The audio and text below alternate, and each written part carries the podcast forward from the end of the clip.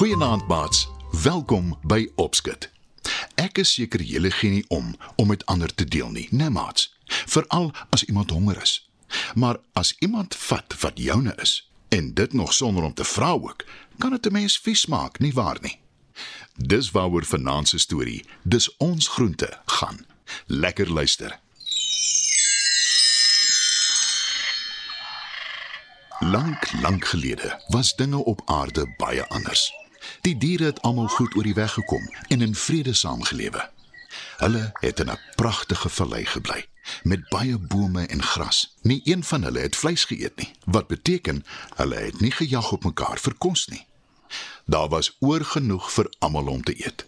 Gras, heerlike soet boomblare, sade, eentjies, bessies, vrugte, noem maar op. Maar toe hou die reën op en daar is 'n nare droogte.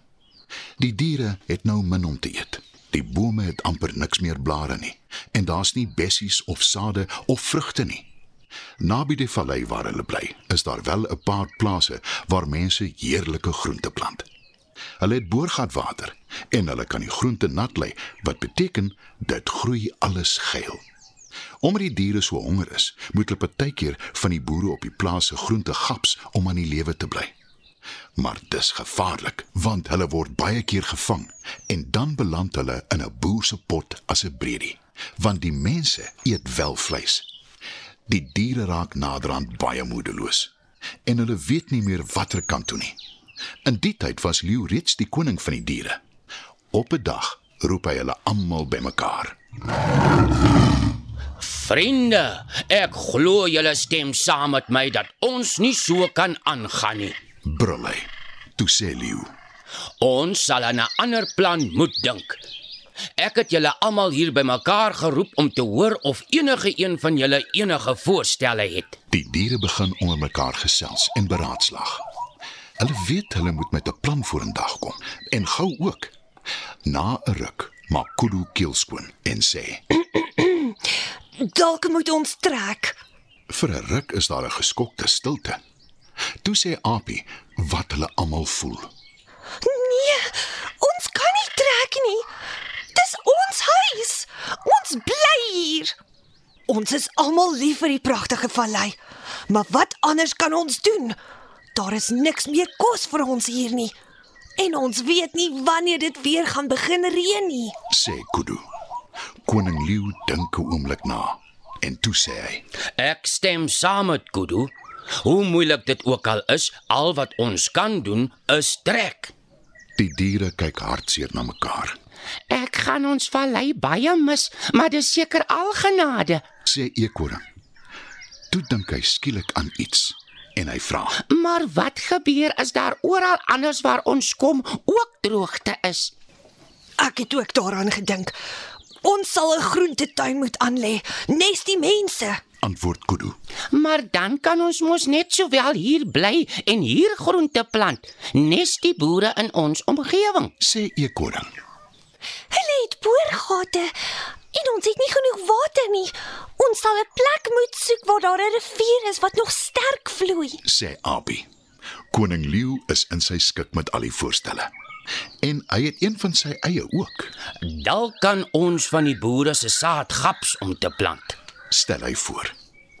Al die diere stem saam. Dis 'n blink plan. Van die ratstes, soos Abi, gaan gap saad. Toe daar genoeg is om 'n groentetuin aan te lê, begin die groot trek. Daar lank loop hulle en soek. Hulle praat mekaar die hele tyd moed in. En toe, uiteindelik, kry die diere 'n plek naby 'n rivier waaraan daar nog heelwat water is. Hulle spring dadelik aan die werk. Hulle plant die sade en lei dit nat. En sommer gou begin die groente opkom en groei. Daar is heerlike bone, kool, wortels, noem maar op. Die diere is nou almal gelukkig want daar is genoeg om te eet. Tot eendag. Kudu en Abi is vrolik op pad om kos te gaan haal in die diere se groot groentetuin. Maar toe hulle daar aankom, steek hulle verbaas vas. Die helfte van die tuin is geplunder. Een of ander dier het hulle heerlike groente opgevreet. Hulle is net van plan om om te draai en vir die ander te gaan vertel wat gebeur het. Toe hulle skielik 'n onaardse geluid hoor. En daar voor hulle staan die grootste, lelikste, mees vreesaanjaende monster wat hulle nog ooit gesien het. Kudu en Abi bewe van vrees. Gee pad of ek vreet julle ook op Brul die monster. en moenie weer terugkom nie. Roep hy agterna toe Kudu en Abi vinnig terughardloop na die ander diere toe en vertel wat gebeur het. Koning Leeu is woedend en hy brul. Ek laat my deur geen monster voorsê wat om te doen nie. Ek sal van hom ontslaa raak. Koning Leeu hardloop na die diere se groentetuin toe. Daar aangekom, steek hy vas toe hy die eislike groot monster sien. Maar hy brul tog verwoed. Die monster gee hom een kyk en bars uit van die lag. Dink jy regtig jy maak my bang? Roep hy en brul nog harder as leeu. Leeu het geen ander keuse as om die aftog te blaas nie. Hy is die koning van die diere, maar hy besef dat hy niks aan die ondier kan doen nie. Terug by die ander diere, vertel hy hulle wat gebeur het en sê: Hoe moeilik dit ook al vir my is om dit te sê, dit lyk my ons sal weer moet trek. "Die diere kla ongelukkig, maar hulle weet dat as hulle koning nie die monster kan verslaan nie, is dit 'n hopelose saak." Maar toe sê skilpad skielik: Gee my 'n kans. Ek sal van die monster ontslaa raak. Die ander diere kyk ongelowig na die skilpad en wonder hoe sy dink sy dit gaan regkry.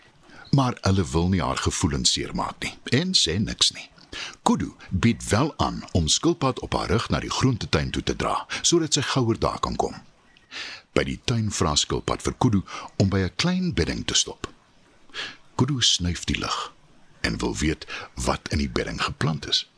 Maar skilpad glimlag net geheimsinnig en begin bolle pluk. Toe skielik hoor die twee die monster.